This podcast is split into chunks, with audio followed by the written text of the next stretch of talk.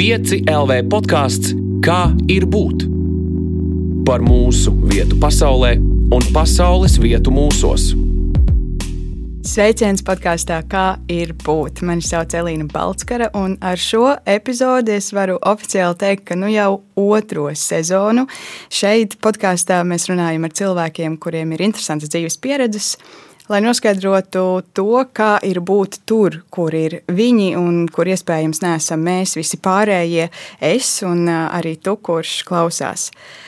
Man šobrīd ir pilns vēders ar tauriņiem un patīkamu satraukumu, jo pirmkārt šī ir pirmā epizode pēc vasaras pauzes, un ir milzīgs prieks atgriezties. Bet otrkārt, un galvenokārt, tāpēc, ka šeit ar mani studijā ir mūsu olimpieta, pludmales volejboliste Anastasija Kravčenoka. Čau, Anastasija! Čau, tas tik labi skan. Olimpieta, pludmales volejboliste Anastasija Kravčenoka vienkārši. Nu, tie ir tie tagad tev jaunie tituli, vai ne? Jā, jā, jā. patīkami.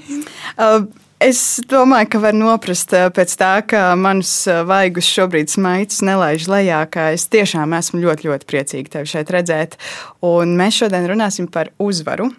Un tāpēc mans pirmais jautājums tev ir, vai tu šobrīd savā dzīvē jūties kā uzvarētāja? Īstenībā, jā. Zini, šī vasara bija daudz zaudējumu īstenībā, bet es jutos kā uzvarētāja, tāpēc, ka es jutos kā viena no labākajām pludmales volejbolistiem pasaulē. Un es domāju, ja mūsu rezultāti ar Tīnu to apliecina. Tā kā jā, patīkami sajūta. Un kā ir dzirdēt nu, to, to ievadiņu, ko es tev tikko nostāstīju. Tu teici, ka tā ir tāda, tāda laba sajūta, bet kas ir tas, kas tevī tajā brīdī notiek? Tu to dzirdi, kādas ir pārdomas, es nezinu, varbūt par visu dzīvi tajā brīdī. Jo Par visu dzīvi varbūt nē, bet īstenībā arī jā, tāpēc ka tas bija diezgan ilgs laika posms, kad uh, es gāju uz to, lai kļūtu par olimpieti un lai būtu kā, ar lieliem burtiem pludmales volejbolista un tiešām laba līmeņa spēlētāja. Tāpēc man ir pārņem tāds nezinu, gods, arī tāds patīkams satraukums, tāds, vai tiešām tā es esmu. Un, uh, jā, lepnums par sevi, par. Uh, par savu valsti, par apkārtējiem, kas man palīdzēja kļūt par olimpieti un pludmales volejbolisti. Kā mainījās tas, kas notika tavā galvā? Nu, tu, tu jau iepriekš trenējies pludmales volejbolā, un tad vienā brīdī tad, uh, jūs vienojaties kopā ar treneri, ja, ka jūs sākat gatavoties uh, Olimpiskajām spēlēm. Kas mainījās tieši tavā galvā, tavā domāšanā, nevis varbūt tajā treniņu procesā, bet tajā, kā tu skatījies tajā brīdī uz to, kur tu ej? Un ko tu dari ikdienā? Tas laikam mainījās pirmkārt, ka tas nav kaut kas īslaicīgs, ka nu, tagad es paspēlēšu pludmales volejbolu. Tas bija tāds mērķis, uz kuru es gāju nu, četri, nelaikam, trīs gadi. Sanāk, ka vajadzēja strādāt, un tikties uz tām olimpiskajām spēlēm. Tajā brīdī, protams, tas likās nu, vispār nereāli, ka mēs vispār tiksim tur, Tokijā, spēlēsim. Jo es biju pavisam jauna, mēs tur vēl varējām spēlēt divus gadus jauniešu Eiropas un pasaules sacensībās. Un iet uz kaut ko tik lielu, kur jau visi pieaugušie un visas zvaigznes, kuras tajā brīdī vispār neredzēju, bija kaut kas nu, nezinu, traks no vienas puses. Un tāpēc, ka treneris nu, pirmo reizi to piedāvāja, tas likās nu, tāds absurds bišķiņš. Bet nu, manā dzīvē mainījās, jā, ka viss tagad bija saistīts ar to, ka es eju uz to Tokiju, ka dažreiz man vajag aiziet uh, agrāk gulēt, ka es mazāk tur tikšos ar draugiem, ja man vajag atpūsties. Un, uh, jā, nu, pirmkārt, ka nu, nebūs tur, ka es paspēlēšu, aiziešu mācīties, pēc tam vai iešu strādāt kaut kādu citu darbu. Visu vajadzēja pakārtot tam, lai es maksimāli labi trenētos. Tas noteikti nav vienkārši. Jā, tas nav vienkārši. nav. Uh, bet tagad, pēc uh, tam, kad tu, tu sasniedz savu mērķi, man liekas, tas vien ir lieliski, ka tu vari nospraust uh, nu, tādu ilgtermiņu. Tas trīs, četri gadi, tas ir diezgan daudz, un uh, to aizēj līdz tam, tas ir lieliski. Un kā ir tagad, vai tev liekas, ka tu esi ieguvusi ceturto vietu, vai ka tu esi zaudējusi trešo? Kā notiek tavā domāšanā? Ieguvusi ceturto noteikti. Nu, Tu nevari laikam iedomāties, jo es arī nevaru līdz galam vēl noticēt, ka vēl tas bija 16. gadā beigās, es vēl domāju, vai es gribu tur būt tajā Tokijā un piedalīties. Un tagad es esmu ceturtās vietas ieguva, kas ir nereāli augsts. Es starp četrām labākām komandām, starp astoņām labākām spēlētājiem, kas tur bija. Un Olimpijādē tas ir tik liels un nozīmīgs notikums. Nu, var labi nospēlēt vienu turnīru, bet labi nospēlēt vienu turnīru četros gados, tagad jau bija piecos. Nu, tas ir nezinu, milzīgs darbs, milzīga emocionāla stabilitāte. Un, jā, noteikti man bija sāp, ka nav tā medaļa, protams, bet uh, es domāju, ka es vēl pēc laika vēl vairāk novērtošu to, ka ceturtā vieta ir nereāli. Es noteikti novērtēju, es ļoti lepojos. um, Bieži vien, un es domāju, ka tas ir arī sportā tā, un tu arī saki, ka tā, tā ikdiena bija ļoti pakārtota volejbolam, un uh, droši vien caur tām grūtībām ejot, bieži vien ir jāuzvar arī nu, pašai sevi. Ko tu saproti ar sevis uzvarēšanu? Ko tas nozīmē? Mm, tas nozīmē daudzas lietas. Piemēram, es, es man ļoti patīk runāt ar treneri un runāt pretī vēl kaut ko. Un, uh, man bija da, da, nu, reāli grūti dažreiz aiztaisīt muti, kaut kur paklusēt. Uh, jā, es domāju, ka nu, Visgrūtāk jau bija nevis tas fizisks darbs, kas, protams, bija milzīgs un nereāli grūti. Tur viss ķermenis sāp un nogurums ir vienmēr. Bet emocionāli bija arī nereāli grūti atrast to kontaktu starp mani kā sportistu un treneri. Un treneri bija arī šajā četru gadu laikā bija vairāki starp mani un manu pārinieci, jo tas jau nav tikai ar draugu, ka tu vari tur vai ar draugu vienkārši nesatikties kādu laiku. Tas ir kā darbs, tas ir kā laulība, tā var teikt. Un jābūt tam kopīgam kontaktam, kas ir pozitīvs. Es tā domāju, tā ir mūsu pieeja. Un, nu jā, visgrūtāk jā, aiztaisīt muti, kaut kur atrast kaut kādus kompromisus. Es domāju, tas bija pats grūtākais. Bet ko kopumā dzīvē, ne tikai volejbolā, kad tev jāuzvar sevi dzīvē, neskatoties uz sporta tagad? Jo es pieļauju, ka tu ļoti daudz un dikti arī runā ikdienā visvairāk par, par sportu, bet runājot par dzīvi, ko tev dzīvē nozīmē uzvarēt sevi? Dzīvē uzvarēt sevi. Tas jau katru dienu, es domāju, noteikti. Nu, Man arī nav tā, ka man vienmēr gribas trenēties. Un uh, uzvarēt sevi, es domāju, tas ir. Uh, nu, katrā fiziskā treniņā ir jātaisa mazie vingrinājumi, kas uh, ir tur presa, mugurā, hamstringi, sāni. Un dažreiz vispār negribas to darīt, bet tu vienkārši dari to, tāpēc, ka tev vajag. Un tā arī ir mazā uzvara, ko mēs darām katru dienu. Kā tev liekas, kā mēs varam nu, trenēties tai sevis uzvarēšanai? Jo es domāju, tas ir par daudz ko. Jā, tu saki, ka tas, ir, tas var būt par mazajiem vingrinājumiem, ko negribas pildīt. Bet tas reizēm arī, es domāju, cilvēkiem vienkārši no rīta izkāp no gultas, ja nu, ka viss ir apnicis, neko vairs negribas, tas noguris. Tad arī ir sevi jāuzvar un, un jāsaka, nē, es šodien ieeju šajā dienā un es sākšu dzīvot. Kā mēs varam trenēties šim, es nezinu, nu, dzīves sparam, gribai, kā to nosaukt? Es nezinu. Es domāju, ka tas, tā ir vienkārši disciplīna. Un tieši sportistiem tā disciplīna ir ļoti augstā līmenī. Mums nav tā, ka nu, mēs nevaram nepiecelties un neaiziet treniņus. Es vispār neatceros, kad es pēdējo reizi nokavēju savu treniņu. Un, uh, man tā laikam apziņa iekšā ir uh, tādā līmenī, kāda tā nav parastiem cilvēkiem. Nu, Manuprāt, vienkārši ir jādara. Cik tev tas negribētos kādreiz darīt, nu, tu vienkārši mēģini atrast tādus patīkamus brīžus, ka tev nu, par tiem pašiem maziem vingriem, ka patīkami sajūta, ka tev presa sāp, un tu iedomājies, ka tev ir tas plakans vēders, un tu esi stiprs. Un tāpat ir arī par katru lietu. Dažreiz negribas, bet var atrast kaut ko patīkamu, pozitīvu un eh, kaut kādu plusiņu, keksīti sev ielikt. Es esmu malacis, vienkārši jāpat pateikt, ka nu, es to izdarīju, es esmu tāds malacis, papriecāties par sevi. Tas droši vien ir tāda ap, sevis apbalvošana par savām uzvarām, vai ne? Jā, protams. Kā tu sev apbalvo?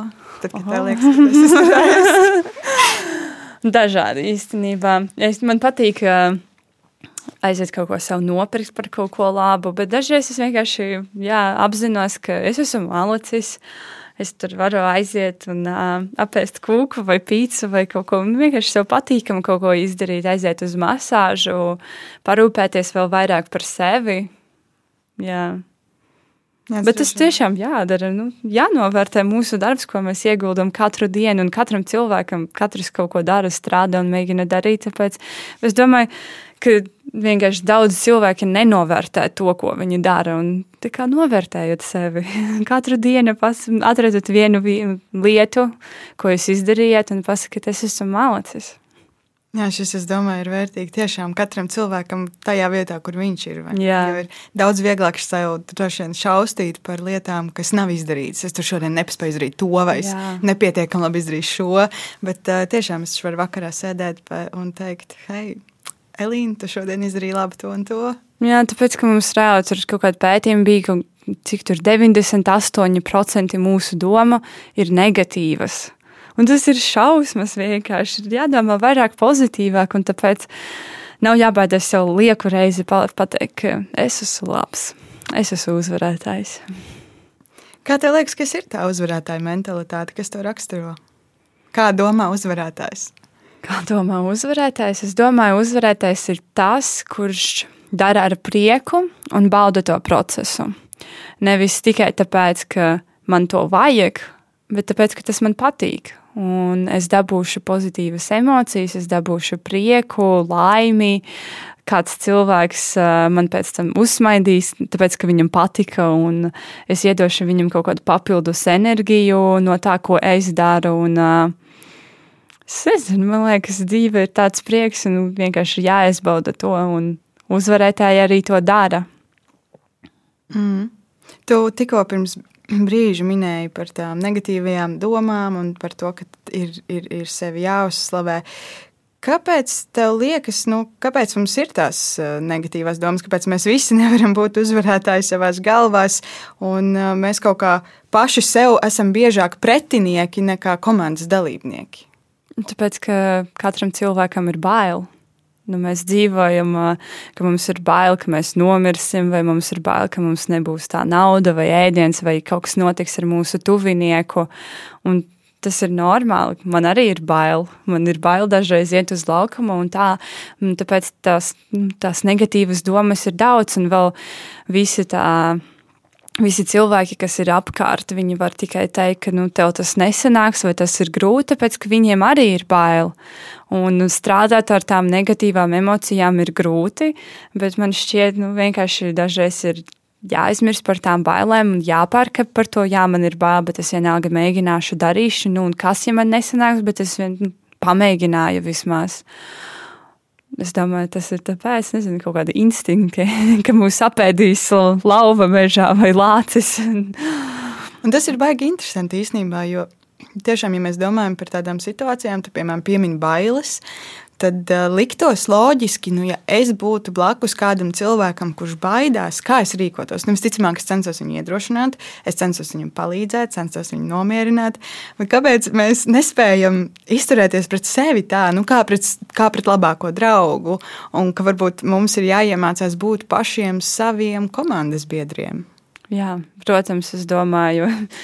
Neviens cits mums nevar palīdzēt. Mēs tikai ma varam mainīt paši sevi kaut ko un mainīt savu dzīvi. Mēs nevaram mainīt citu cilvēku dzīvi. Tāpēc reāli dažreiz, kad citi runā, ka nu, slikti, ka viņš ir egoists, man šķiet, ka ir jādomā reāli tikai par sevi. Pirmkārt, ja domāsi tikai par sevi, tava dzīve uzlabosies un varbūt tu vari kaut kā varēsi palīdzēt citiem, kaut vai ar padomu, kaut vai, kad viņam būs bail paņemt viņa roku un pateikt, es esmu ar tevi, man nav bail. Nu, ja man man nav bail, es pārņemšu tavas višķiņu bailes, un tev paliks mazāk bail.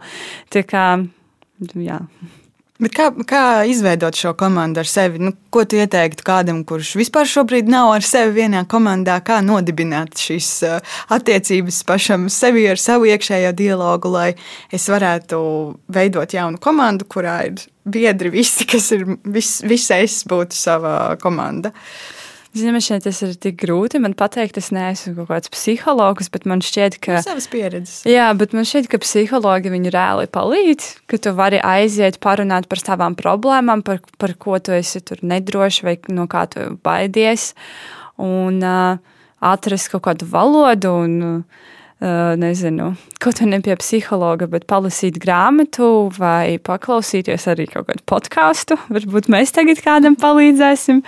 Bet, Nu, jā, nu vienkārši atrast kaut kādas jaunas idejas un sākt strādāt uz to. Nevis tā, ka es vienkārši tur izlasīju vai parunājos ar psihologu, bet reāli pielietot tos padomus, kas uh, ko tev ieteica reālajā dzīvē. Kaut katru dienu mēs varam kaut ko mainīt, kaut vai piecelties no gultas, nevis tur dusmīgi un padomāt, ka Dievs man tagad ir jāiet uz darbu, bet paņemt kafijas krūzi rokās un pasmaidīt par to, cik tur patīkams lietas iet ārā, vai cik laba saule un kā es tulīt braukšu ar tramvaju, kurš ir ekoloģiskais transports. Tā kā kaut kas katru dienu mēs varam mainīt. Un, ja katru dienu mēs kaut ko mainīsim, uh, iesim uz to labāko, tā kā 1% better every day, mm. tad jau tas arī notiks. Tu liecies ļoti, ļoti pozitīva. tas ir ļoti, ļoti forši. Un es domāju, nu, ir cilvēki, kur vienkārši piedzimst un un kaut kā dzīvo to savu dzīvi, viņi tādi ir. Viņi, viņi redz to. Tev tas ir šis gadījums, vai tev ir tas gadījums, ka tu esi meklējis kaut kur palīdzību un, un, un uh, lasījis, tu tikko minēji grāmatas, ja terapija vai kaut ko citu. Kāds ir bijis tavs process līdz tādam prāta stāvoklim, kurā tu esi šobrīd, vai tev tas ir nācis tā kaut kā dabīgi? Es domāju, ka es vienmēr biju tāda pozitīva optimiste, tā teikt, jo nu, ir jau dažādi tie cilvēki, tipi, kā tu arī teici. Un uh, varbūt man viegli ir runāt par to, cik viegli ir pozitīvam būt un smaidīt no rīta. Es zinu, nu, tāpēc es esmu tāds cilvēks, man varbūt tas ir bijis vieglāk, bet, protams, es arī gāju pie psihologa. Man ļoti patīk lasīt tādas grāmatas par domāšanu, klausīties podkastus un kaut ko jaunu vienmēr uzzināt. Jo man liekas, nu, kāda jēga dzīvot un dusmoties uz kaut ko katru dienu. Nav tā, ka mani kaut kas nedusmo, bet es mēģinu izbaudīt to, ko es daru, un nedarīt to, ko es reāli negribu darīt. Priekš kām tā ir mana dzīve, es dzīvoju vienu reizi, un kaut kad es nomiršu. Un, ja es nomiršu, tad nu, jau vajag dzīvot tā, kā gribas. Jā, jā. lieliski, lieliski tas, ko tu saki. Un, um, es um, pārējot no komandas ar sevi pie komandas veidošanas ar citiem. Man liekas, ka arī šobrīd mēs skatāmies uz sabiedrību. Mums bieži vien šķiet, ka nu, viss ir sašķēlušies, viss pret kaut ko cīnās un tā. Kaut gan nu, mēs varētu mēģināt veidot komandu. Tu arī teici, ka tev izaicinājums ir komandas veidošana ar savu pārinieci. Kā izveidot labu komandu ar kādu citu cilvēku? Vai tas ir sportā, vai tas ir attiecībās, vai tas ir kā mums, kā sabiedrībai? Jā, man šķiet, tas tiešām ir ļoti grūti. Un, pirmkārt, man liekas, ir jāklausās, ko tev saka tas otrs cilvēks vai citi cilvēki, ko viņš grib, ko viņš domā. Ir jāmēģina saprast. Un, es kaut kur dzirdēju, ka galvenā problēma mūsdienās ir tas, ka cits cilvēks negrib pieņemt cita cilvēka viedokli, ka, mēs, ka mums ir savs viedoklis un ka mēs negribam viņu pieņemt. Tāpēc ir tik daudz konflikti, nesaprašanās, vientuļi cilvēki. Un, uh, jā, nu, laikam kaut kā ir jāmēģina jāsaprot, kāpēc viņš tā dara, kāpēc viņš tā domā. Varbūt kāds tur bija, kāda viņam ir vēsture, kāda viņam bija pagātne, ko viņš grib nākotnē, analizēt to situāciju un, un veidot, mēģināt runāt kaut kādus kompromisus atrast. Un, jā, es, man šķiet, ka es tiešām neesmu kāds profesionāls komandas veidošanā, tāpēc man tas vienmēr bija tāds challenge. Un, uh, Bet jā, es mācos, kā to darīt. Un... Vai tad tavā pieredzē varētu teikt, ka tavs lielākais izaicinājums šajā komandas veidošanā ir tā klausīšanās, vai tev ir kaut kas cits? Nu, varbūt ne tieši ne klausīšanās, bet kaut kā nu, tāda saprašanās, kā darīt, lai abiem ir labi, lai abus viss apmierina. Un, uh, Jā, grūti, grūti pateikt. Vai grūti kāds, tev ir kāds uh, piemērs no dzīves, kur tu esi pārvarējis kaut kādu, tas var būt sportā, tas var būt privātajā dzīvē vienalga, kur uh, tu saproti, ka ir kaut kāda problēma, jūs, un, un tas jums liedz vai traucē kļūt par komandu, un tad caur kaut kādu sarunu vai caur kaut ko citu, kur, kur ir pilnīgi viss mainījies. Kāds labais piemērs? Nu, Mums ar Tīnu vienmēr bija tādi konflikti par tiem treneriem, ka vienai, piemēram, patīk treneris, otrai nepatīk treneris. Tad, jā, tad vajadzēja meklēt tos kompromisus. Mēs runājām. Grūti. Es, es domāju, ka mēs varbūt vēl ne līdz galam visu labi izdarījām. Bet, nu, jā, nevar visu izdarīt perfekti, ideāli. Bet tā atslēga varbūt bija jā, runāt un uh, darīt tā, lai abiem ir labi kaut kur piekāpties, kaut kur, uh, jā, nezinu, vai tas ir pareizi kaut kur piekāpties, bet, nu, ja jūs ejat uz vienotu mērķi, tad, uh, tad jā, kaut kur ir jāpiekāpjas. Kā tev liekas, kas ir tādas labas sarunas, kuras rezultātā mēs varam pateikt, ka šī saruna ir uzvara rezultāts? Uh, priekšnosacījumi, kam ir, kam ir jābūt šādās sarunās, lai tās aizvestu līdz kopīgai uzvarai? Es domāju, jābūt mieram, vēsam prātam, minimums emocijām. Ot, tas man traucē dažreiz. Man emocijas ir vienmēr ļoti daudz. Un, jā, gribēšanai atrast to labāko variantu, kas apmierinās visas puses. Un kā tu uh, saglabā vēsu prātu, kas ir uh, tava pieeja priekš šī, ja tu saki, ka tev ir emocijas vienmēr par pārējām? Es domāju, galvenais ir elpošana, kā tu elpo. Uh, ka tā dziļa ielpa un lēna izelpa reāli palīdz nomierināties, un tad sarunas laikā var vienkārši tā lēnām, lēnām, lēnām izelpot, un tad ir tas svaigs prāts. Un es domāju, ka tas ir pats galvenais. Kā tev liekas, kam ir vairāk spēka tādai ļoti izcilai individualitātei, vienam spēcīgam cilvēkam, vai arī viduvējai, bet komandai? Es domāju, viduvējai komandai. Uh, ir tāda teorija Genādijam Samoilovam, mūsu bijušajam trenerim, ka, ja tavs pārinieks spēlē ļoti slikti, un tu spēlē kā dievs, jūs spēlēsiet abi ļoti slikti. Un, ja viens spēlē kā dievs, un otrs spēlēs kā normāls cilvēks, tad jūs spēlēsiet kā dievi. kā, es domāju, tādam vidējam līmenim ir liels spēks, tāpēc ka nu, katram var būt savas spēcīgas puses, un tad kopā komanda būs ļoti spēcīga. Labi, bet gadās zaudēt, vai ne dzīvē, un mēs Protams. reizēm jūtamies kā zaudētāji. Kā iemācīties tā cienījami zaudēt?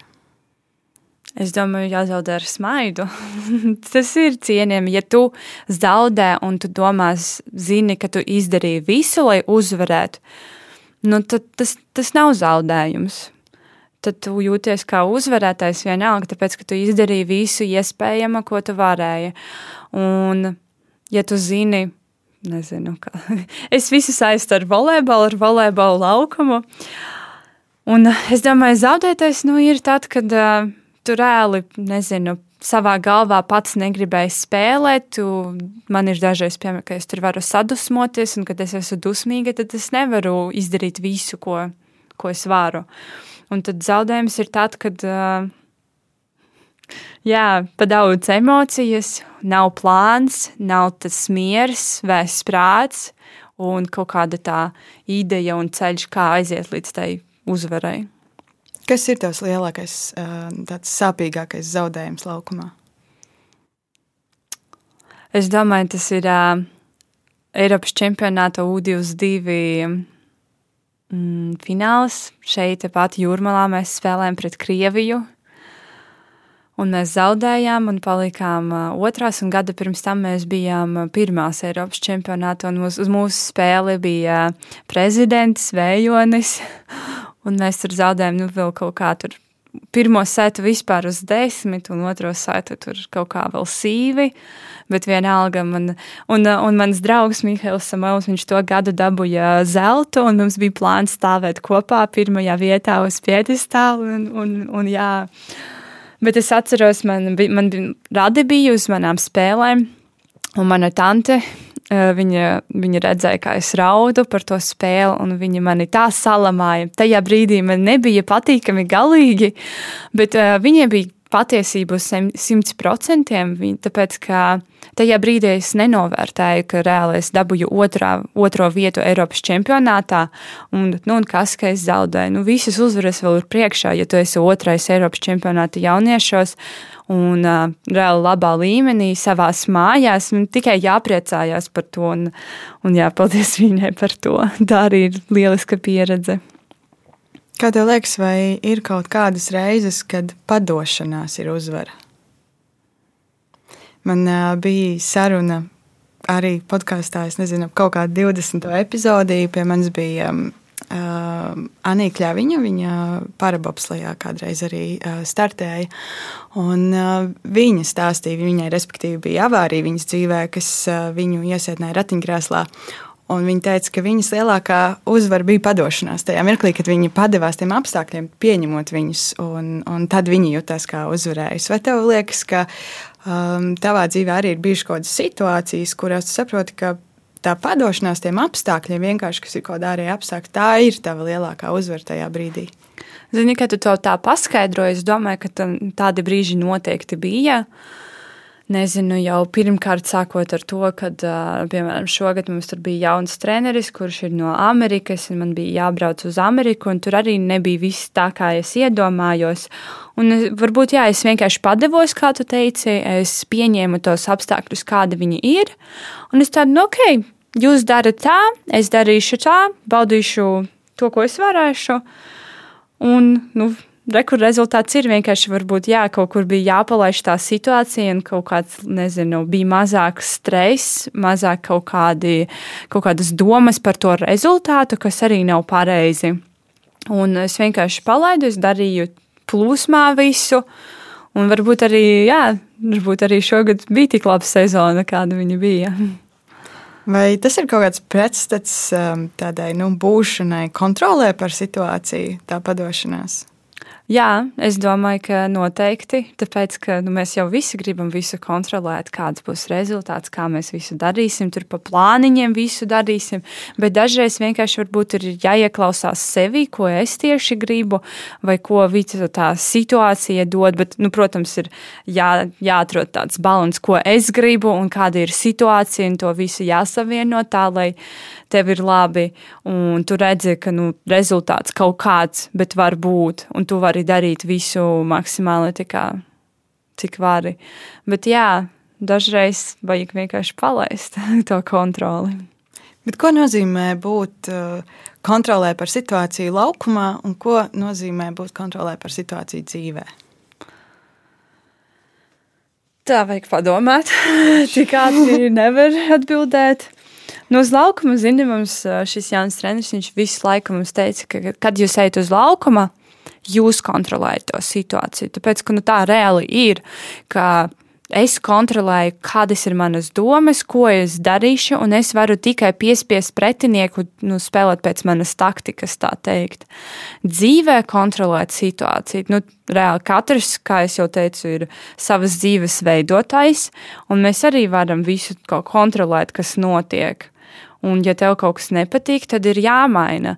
Bet dažreiz, nu jā, saku, grūti ir atrast tādu balansu, kādi ir tie apstākļi un ko tu pats gribi. Bet, nu, pa solītim, pa solītim, es domāju, katrs var aiziet līdz uz sava mērķa.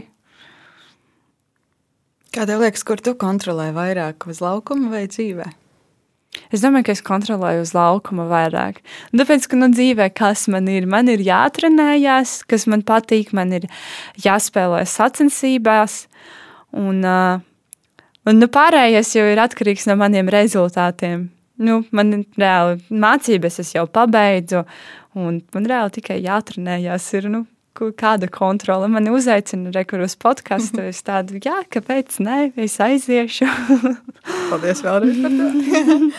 um, tu pieminēji mācīšanos, tev ir maģistrs. Jā. Pastāstīji, kā, kā bija to balansu meklēt, un tā ir arī vēl viena ļoti liela uzvara. Nu, tā ir akadēmiska uzvara. Tu varēji droši vien arī palikt pie bakalaura. Tu arī droši vien, es pieļauju, varēja pat bakalaura nestudēt. Kāpēc tas bija svarīgi uzvarēt arī šo nu, tādu akadēmisko cīņu? Uh, tāpēc, ka sports nav uz visu mūžu. reāli 72, man šķiet, nu, 70% sportistu saskarās ar krīzi pēc savas sporta karjeras, jo viņi vienkārši nezina, ko darīt pēc tam, tāpēc ka viņi reāli daudzi neko vairāk nemāca, tikai sportot.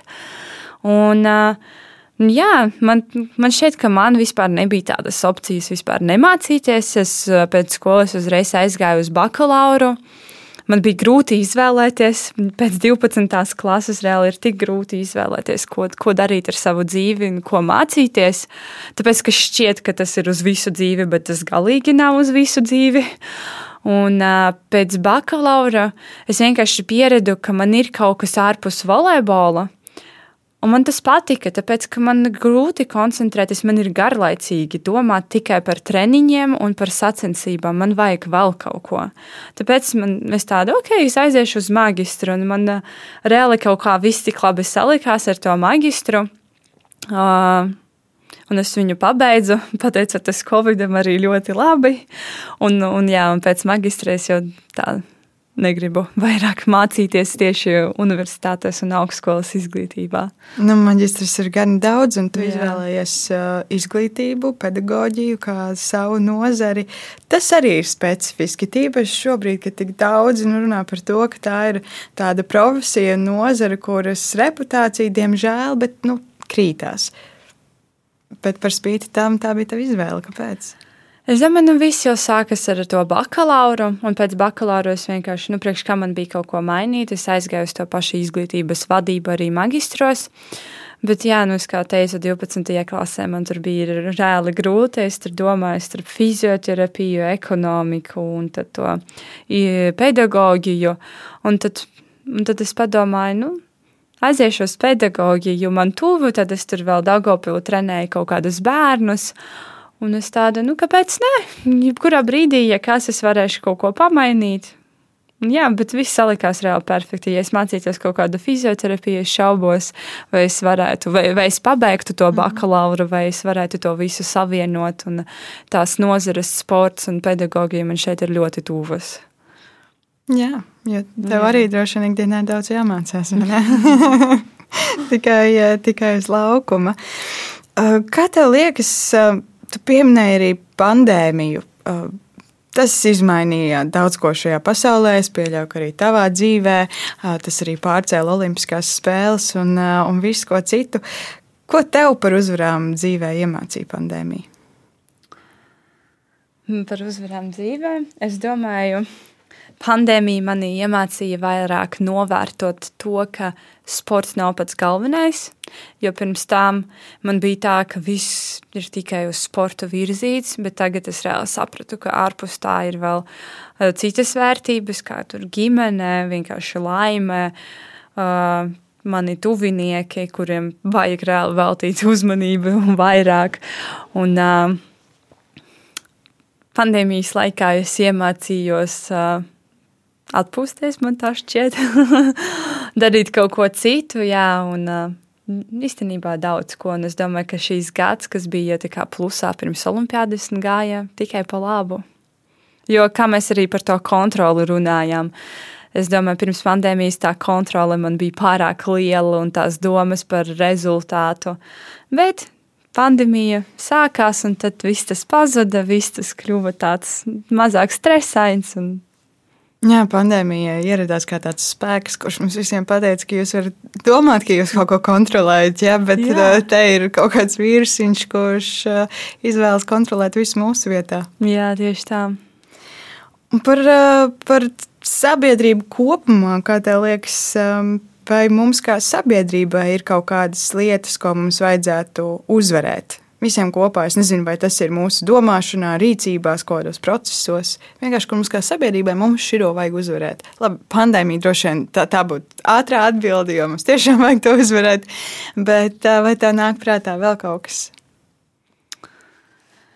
Īstenībā varētu nosaukt vairākas lietas, ja, piemēram, par latviešiem runā, nu, vienmēr, ka mēs esam tādi kautrīgie un baigi mierīgi, ka, zini, amerikāņiem ir tāds, tāda mentalitāte, ka viņi ir uzvarētāji. Bet ar ko mēs esam sliktāki? Mēs arī esam uzvarētāji. Mēs dzīvojam tik skaistā valstī, mums reāli viss ir.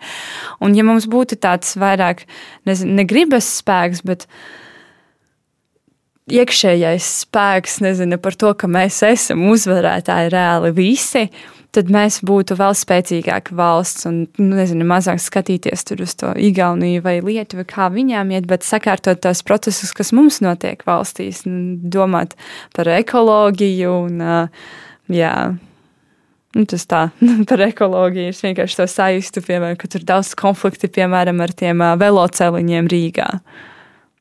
Man šķiet, ka tas tikai ir pareizi, ka mums paliek vairāk veloceliņu. Un tas arī ir uzvara, ka vairāk cilvēki sabiedrībā saprat, ka vajag domāt par to ekoloģiju, ka ir vairāk jādomā arī par sevi, jābrauc ar riteni, nevis ar mašīnu, jākustās. Un, Redz, cik daudz lietas jau nosaucu, ka mums vairāk jākustās, jādomā par ekoloģiju, jābūt uzvarētājiem, bet uh, Tas viss ir ļoti saistīts. Bet kā mēs varam trenēt, kā sabiedrība, šo uzvarētāju domāšanu? Kā mēs varam trenēties, lai mēs varētu šīs lietas īstenot, lai mums būtu vēl vairāk veloceliņu? Jo es domāju, ka tas Dišķiņa arī tāds domas treniņš, ne? Jā, protams, tas ir pirmkārt domas treniņš, kā tu domā par to. Bet, nu, redz, piemēram, pēc olimpiādas mēs jau atbraucām, mūsu 3x3 basketbolisti pierādīja, ka viņi ir uzvarētāji. Tad Artūrs Plaisnieks, mēs ar Tīnu, tad Mārtiņš ar Edgara. Ja tā paskatīties, mēs esam maza valsts Latvija, bet rekur, cik mums ir daudz čempionu. Mēs uzvarētāji esam visi. Un tas, man liekas, tik ļoti var iedvesmot arī citus latviešus, Latvijas iedzīvotājus.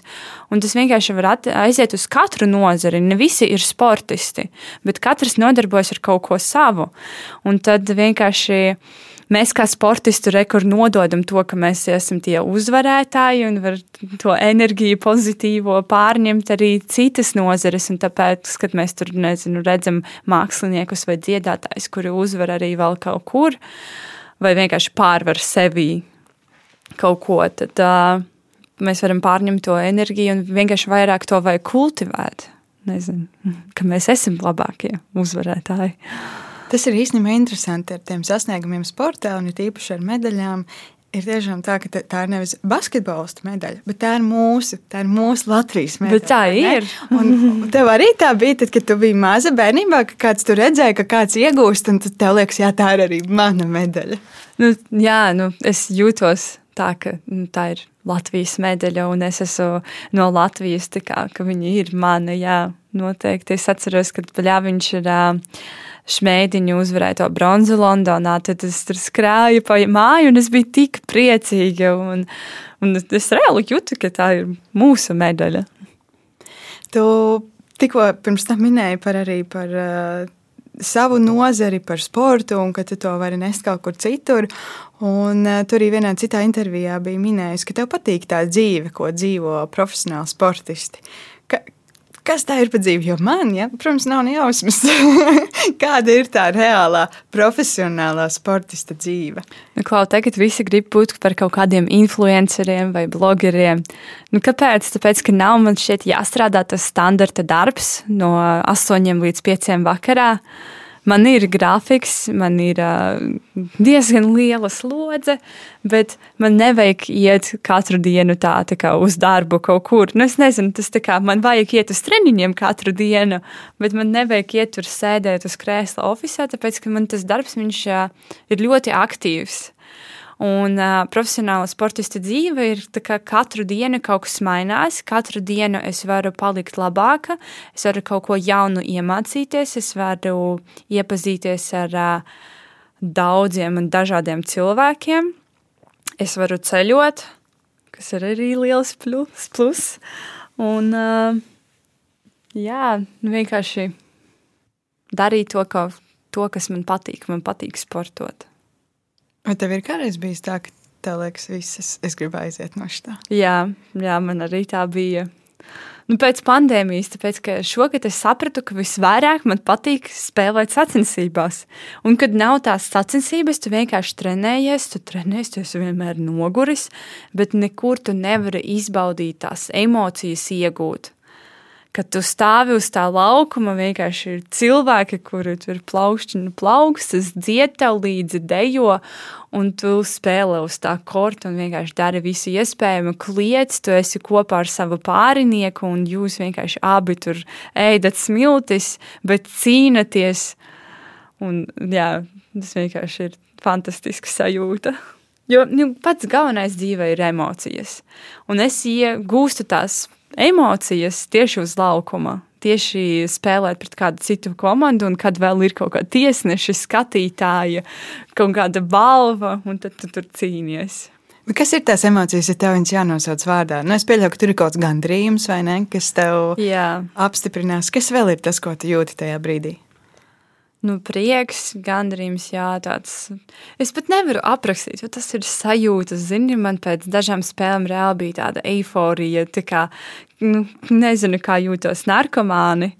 Reāli, kad viņiem ir tur kaivs un tā, bet es reāli pēc dažām spēlēm vienkārši sēžu, man ir tik labi, man ir vienkārši, nu, viss pofīgi, tik ļoti, un uh, Es, es nezinu, kā aprakstīt, kā nosaukt tās sajūtas. Man liekas, man liekas, ka tās vajag izdzīvot, un tad tu sapratīsi. Jā, bet tā, ko tu stāsti, izklausās, ka nu, tu loģiski esi pilnīgi savā vietā. Nu, jo tu saki, ka tev nav jāiet uz darbu, kaut gan patiesībā nu, varētu to, ko tu dari, tas jau ir arī tavs darbs. Jā, tu tā pelni savu iztiku beig beigās. Un, un uh, iespējams, nu, ka katrs cilvēks kaut kur, ja viņš dara tik ļoti patīkamu lietu, var iet uz darbu, bet nejusties tā, ka viņš iet uz darbu. Jā, tas jau pats galvenais. Vienkārši kādam patīk iet un sēdēt uz krēsla un skatīties datorā, bet kādam patīk ceļot, kādam patīk taisīt bildes vai zīmēt vai dziedāt. Un vienkārši citiem cilvēkiem varbūt nav jā jābaidās no kaut kādiem stereotipiem, ka nu, rekur uh, visi tur uh, šitie te. Nu, nevis slaveni, bet successful uh, cilvēki, veiksmīgi. veiksmīgi cilvēki. Viņi sēž oficiālā un skatās datorā. Nu, tā nav. Tā galīgi nav. Veiksmīgs cilvēks ir uh, laimīgs cilvēks. Vienkārši nav jābaidās darīt to, ko tu gribi, un mēģināt sevi pierādīt kaut kādā jomā. Bet tad, kad tu izvēlējies, ka jā, tu ej šo profesionālo sporta ceļu. Tā arī ir tāda, nu, droši vien savā ziņā sarežģīta un alternatīva karjeras izvēle, kas nav tipiskais. Tas bija grūti, vai tas tā notika kaut kā organiski? Tas, es domāju, grūtākais brīdis man bija tieši šogad, kad ir tāda tā kā neziņa, kas notiks pēc tam, kā es varēšu tur pelnīt sev iztiku. Jo nu, arī nu, Mums, piemēram, katru gadu ir sevi jāpierāda, lai, kā, lai mēs pēc tam varam saņemt kaut kādu atbalstu no valsts, saņemt pabalstu un uh, dzīvot, uz, dzīvot uz to naudu. Bet, ja reāli tu spēlē slikti, tad tev nekas nebūs. Tad būs jāmeklē, nezinu, tad būs jāstrādā vēl par treneri, un tad jātrenējas, un tas ir vēl grūtāk. Un tad tie sasniegumi arī nevar tur gaidīt kaut ko ļoti spožu. Uh, Tāpēc nezinu, man tas ceļš uz Tokiju bija tāds, ka es vienkārši apņēmos, ka es to darīšu. Mēs tad ar Tīnu uzvarējām to Eiropas čempionātu U22, uz vienu gadu atbalsts bija. Un man bija tāds, nu, kaut kādā veidā, ok, es vienkārši pamēģināšu, jo tas bija tāds mērķis, tas bija tāds sapnis tikt uz Olimpiskajām spēlēm. Un tad jau bija, nu, tā teikt, vienalga, nu, ja vajadzēsiet strādāt vēl, par treneri, tad es iešu un to darīšu, bet es uh, pēc tam iešu laukumā un arī tur mēģināšu darīt visu, lai tiktu tajā olimpiādē. Bet tagad, kad es tā kā, nu jau tas bija. Mēs no 19. gada zinām, ka mēs tiekam uz Tokiju. Tieši šogad tas, nu, man bija tādas domas, ka es nezinu, ko Tīna grib, piemēram, vai viņa grib iet uz Parīzi, vai viņa negrib iet uz Parīzi. Uh, kā es varēšu nopelnīt sev iztiku. Tad man bija tādas, tāds stress par to, kas notiks pa, te, nākotnē. Tāpēc nu, jā, tas bija grūts brīdis, vairāk nekā kad man bija tieši tie 20 gadi.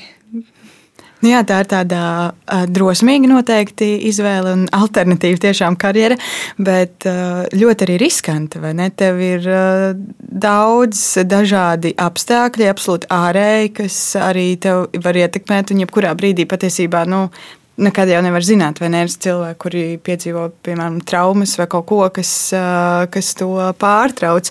Vai tu dzīvo kaut kādās nu, tādās bailēs par to, ka tu nevari zināt, nu, kā tu saki, piemēram, tīnai ir kaut kāds cits lēmums vai kaut kā tam līdzīgi. Kā tu sadzīvo ar to um, nu, neprognozējamību? Tā to varētu saukt. Jā, nu, noteikti man ir bailes, un es sadzīvoju ar to tā, ka es uh, novērtēju sevi. Es zinu, ka ja kas, es varēšu sevi pierādīt kaut kādā citā jomā, tāpēc ka es uzskatu sevi par veiksmīgu cilvēku. Man ir izglītība, ja es aiziešu strādāt kaut kur vai izdomāšu kaut ko, tas, man atkal sag sagādās man prieku. Tā kā, nu, ir tik daudz jomas mūsu pasaulē, mēs vienkārši nezinām visas profesijas, kuras pastāv. Un koncentrēties uz kaut kādiem stereotipiem vai uz to, ko tu zini tagad, nu šeit nu nav jēgas, kad pienāks tas brīdis, kad vajadzēs kaut ko meklēt. Tā dzīves plūsma un tava vēlme var aizvest tik tālu. Nu, es vienkārši nevaru noliegt to, ka varbūt tur nezinu pēc pāris gadiem es vispār aizbraukšu uz citu valsti, vai es nezinu, palikšu Latvijā, bet nodarbošos ar kaut ko pavisam citu. Bet galvenais, lai tas man patīk. Tev absolūti ir veiksmīga mentalitāte. Uzvarētāja mentalitāte, par ko mēs runājām iepriekš. Un, un tu teici, jā, ka Amerikā redz, visi tā domā, Latvijā nedomā. Tu esi bijusi pasaulē visdažādākajās vietās un, un ceļojusi, un, un droši vien arī iepazinusies ar visdažādākajiem cilvēkiem. Um, ko tev nozīmē iepazīt šīs dažādas kultūras, uh, iepazīt dažādas mentalitātes, un kas ir tās tavas galvenās atziņas, ko tu esi paņēmis no vis tā? Man patīk runāt vispār ar dažādiem cilvēkiem un tikai uzzināt viņu domāšanu, ko viņi domā par dažādām lietām un tā. Bet, nu, laikam no katras kaut kādas kultūras, no katras valsts paņēma kaut ko savu, un tā no, nu, kaut kādu konkrētu lietu nosaukt ir grūti. Bet man šķiet, galvenais ir atrast kaut ko jaunu sev, kaut ko, kaut ko jaunu, par ko tu vari padomāt.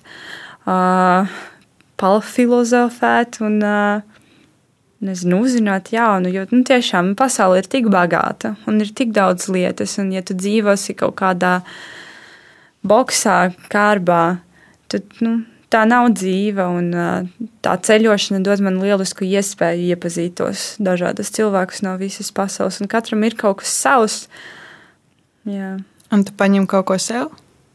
Es domāju, nu, tagad es esmu tāda personība tikai tāpēc, ka nu, manā ceļā bija tie visi cilvēki un tie visi apstākļi. Un, jā. Kas tavā dzīvē ir bijuši tādi punkti, varbūt pirms tieši volejbola, kad tu vēl biji uh, maza, kad tu biji bērns, kad mācījies pirmajās skolas klasēs? Kas bija tas, kas tev aizveda un izveidoja to tavu raksturu tādu, ka tu, vari, ka tu varēji sākt vispār ar to nodarboties šādā līmenī? Uh, un ka tev ir tā disciplīna, ko tu minēji pašā sākumā. Jā, bet es domāju, viss notika tik plūstoši. Man neviens nepiespieda spēlēt volejbolu, man neviens nepiespieda iet uz katru treniņu, nekavētos. Tā bija mana izvēle reāli. Mani vecāki viņiem bija tāds, tu izvēlējies volejbolu, ok, tu vari iet, tu vari neiet, dari, ko gribi, bet, nu, ja tu ej, tad dari to labi. Nu, viņa vienmēr mani atbalstīja, lai ir labi rezultāti, un viņa man arī palīdzēja uh, sasniegt visu, kas man tagad ir. Un, un uh, nezinu, no bērnības man vienkārši. Es atceros, ka es biju ļoti aktīva, un, ja es kaut ko darīju, tad es darīju, nu, mēģināju darīt to uz simt procentiem, lai tas ir labi, lai tas ir izdevusies lieta. Uh, Bet nu, arī es atceros, ka es teicu, ka es gribu uz baleti. Es aizgāju uz vienu treniņu, mani tur sākas stiept, un lokanība nav mana spēcīgākā puse. Es pateicu, nē, es vairāk neiešu.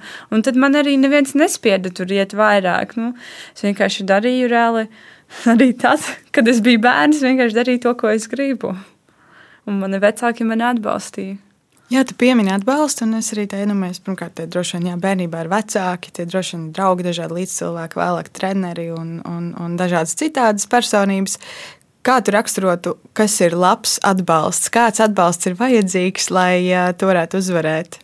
Jo es pieļauju, ka ir arī reizes, kad cilvēki bišķi pāršauj par strīpu ar uh, saviem centieniem, varbūt kaut jā. kā atbalstīt. Nezinu, jāpaliek kaut kādai brīvībai, brīvai domāšanai. Ja, piemēram, man bija tāds treneris, kurš viņam bija viens variants, viņš redzēja šo tā, un tev vajadzēja izpildīt to tieši tā, bet, ja tu varēji uzvarēt punktu, piemēram, citādāk, tas jau viņam šķita nepareizi. Es varēju dabūt to punktu, bet manā veidā. Bet man šeit jādod tāda brīvība, izvēles brīvība, kā tu to dari. Bet tomēr, nu, teikt tam bērnam vai tam cilvēkam, ka, nu, ja tu izvēlēsies to darīt, tad tev ir jādara tas labi. Un, uh, es jau aizmirsu, kāds bija jautājums. Tas ir labs atbalsts. Kā, kā labi atbalstīt? Labi atbalstīt. Mierīgi. Vienkārši pateikt, ka nu, ne no kā nav jābaidās. Vienkārši dari, lai tev tas sagādā prieku, un tas ir pats galvenais. Nu, es nezinu viss aiziet uz to prieku un laimi dzīvē. Ja, ja tu dari to ar prieku, tad viss būs. Un ar atbalstu arī ir tā. Atbalstīt cilvēku var tikai pateikt tos vārdus, un lai viņš reāli saprot, saklausa to un uh, izdara. Nezinu, jo dažreiz grūti ir arī to izdarīt, bet mm. jāmācās. Tāpēc arī tā meditācija tagad ir tik populāra, man šķiet. Tu arī meditē? Jā. Un? Un, nu, mācos. Nu. Redzi, uzlabojums. Mēs esam vairāk kārt pieminējuši, tu pieminēji arī elpošanas vingrinājumus pati un arī citās sarunās. Es runāju, starp citu, ar Nilu Jansonu, skritušu lidotāju. Un viņš arī teica, ka viņam tieši elpošana ir tas, kas viņa prāt ir palīdzējis viņam sasniegt to, ko viņš ir sasniedzis. Jā, es zinu, tik daudz tie jaunie sportisti. Viņi vienkārši nemāķi elpot, un tāpēc viņi arī nezina, kā, kā viņi var darīt visu labāk. Un uh, elpošanas vingrinājumi, šeit meditācija, tas viss uh, palīdz vienkārši sakārtot savu prātu. Tad, kad tu meditē, tu arī pareizi elpo, tu sajūti visu savu ķermeni, atbrīvo prātu, tu neko nekontrolē. Un, uh, Es pēc meditācijas jau nu, gandrīz vienmēr jūtos ļoti labi, labāk nekā pirms tās. Man iedod dažreiz vienkārši tādas jaunas idejas, jaunas domas, mieru, kas ir ļoti svarīgi un uh, atslēdz dažreiz vienkārši ne par ko nedomā, klausies. Un, ne, nezinu. Kā tev liekas, kas laukumā uzvar biežāk? Nu, tā paskatoties, tas ir tāds uh, spēcīgs ķermenis vai ļoti tāds uh, mierīgs prāts? Zinu, mēs jau par to daudz runājam, piemēram, ar Tīnu, ka nu, augstākā līmeņa sacensībās visi jau spēlē vienādi. Visi daudz trenējās, ne tikai volejbolā, bet arī fiziski. Bet galvenais ir tas, kas notiek tev galvā. Ja tu reāli izēj uz laukuma un tu jau esi uzvarētājs, ja tu kontrolē to, kas notiek uz tā laukuma, tad nu, tu uzvarēsi. Un uh, tur viss ir galvā, kā tu uzvedies, kādas tev ir emocijas. Un tāpēc jāstrādā ar tiem psihologiem, jāmeditē un jā, jāstrādā ar savām domām. Jā, beig beigās jākačā ne tikai presīta, vai ne, bet arī jā. savs uh, prāta stāvoklis. Kā tev liekas, vai ir tādas uzvaras šajā pasaulē, kas ir bez zaudētājiem, respektīvi, ka mēs visi esam uzvarētāji? Vai ir tādas situācijas, kur ir uzvara? Es domāju, ka jā, vienkārši to vajag uztvert. Tā. Nevis domāt, cik es tur slikti un visu izdarīju, bet atrast tās labās lietas. Nu, tāpēc, nu, piemēram, mēs visi aizbraucam uz Olimpiādu. Tas jau ir. Visi ir uzvarētāji, neskatoties uz to, ja tur kāda komanda ieņēma pēdējo vietu. Viņi vienalga ir uzvarētāji. Nu, tas atkal visiem, visi mēs esam uzvarētāji. Mēs piedzimām, mēs dzīvojam. Mums kādam ir labāk, kādam sliktāk, bet mēs vienalga esam uzvarētāji. Tāpēc, ka katra cilvēka dzīve ir unikāla. Un um, te jau vai noslēdzot mūsu sarunu, ja tev vajadzētu visiem tiem, kuri mūs šobrīd klausās, pateikt vienu lietu, ko mēs katrs varam darīt, lai mēs būtu bijuši vairāk uzvarētāji savā dzīvē. Viena lieta, ko tu ieteiktu, vienkārši izdarīt. Jā, es zinu tādu lietu, es iemetīšu to šogad, un man reāli tas palīdz ir vienkārši pamosties, kāds tev nebūtu garas stāvoklis, bet piespiest sevi smaidīt. Vienkārši, ja tev pat negribas ļoti, ja tu vienkārši uzvilksi to smaidu, tā teikt, un darīsi to vismaz 3-5 minūtes, tad tas smaids paliks uz visu dienu un parādīsies reāli vairāk pozitīvas emocijas. Es kaut kur šito izlasīju vienā grāmatā, un es pamēģināju. Nu, ir tādas dienas, kad tu piecēlies, nu, negribas smainīt, bet es sevi piespiežu, un pēc piecām minūtēm es jūtos daudz, daudz labāk. Un tā diena man aiziet daudz, daudz labāk, daudz vairāk izdevusies un veiksmīgāka nekā tā būtu pirms tam. Pierādīts. es domāju, ka tu viennozīmīgi esi lielisks pierādījums, praktisks pierādījums tam, ka šī metode strādā. Jo tu tiešām ļoti daudz smaidi, ko varbūt nevar saklausīt katrā tavā vārdā, bet es šeit, studijā, tevi redzot, varu visiem apliecināt, ka tas tā pilnīgi viennozīmīgi ir. Milzīgs paldies tev par sarunu. Paldies tev. Paldies arī tev, ka tu klausījies. Šī bija otrās sezonas pirmā epizode, kopumā jau 37. un, lai nepalaistu garām 38. droši piesako, kā ir būt tajā straumēšanas platformā, kurā tu mūs klausies. Tikamies jau pēc uh, nedēļas nākamajā sarunā. Pagaidām es saku, atā. atā.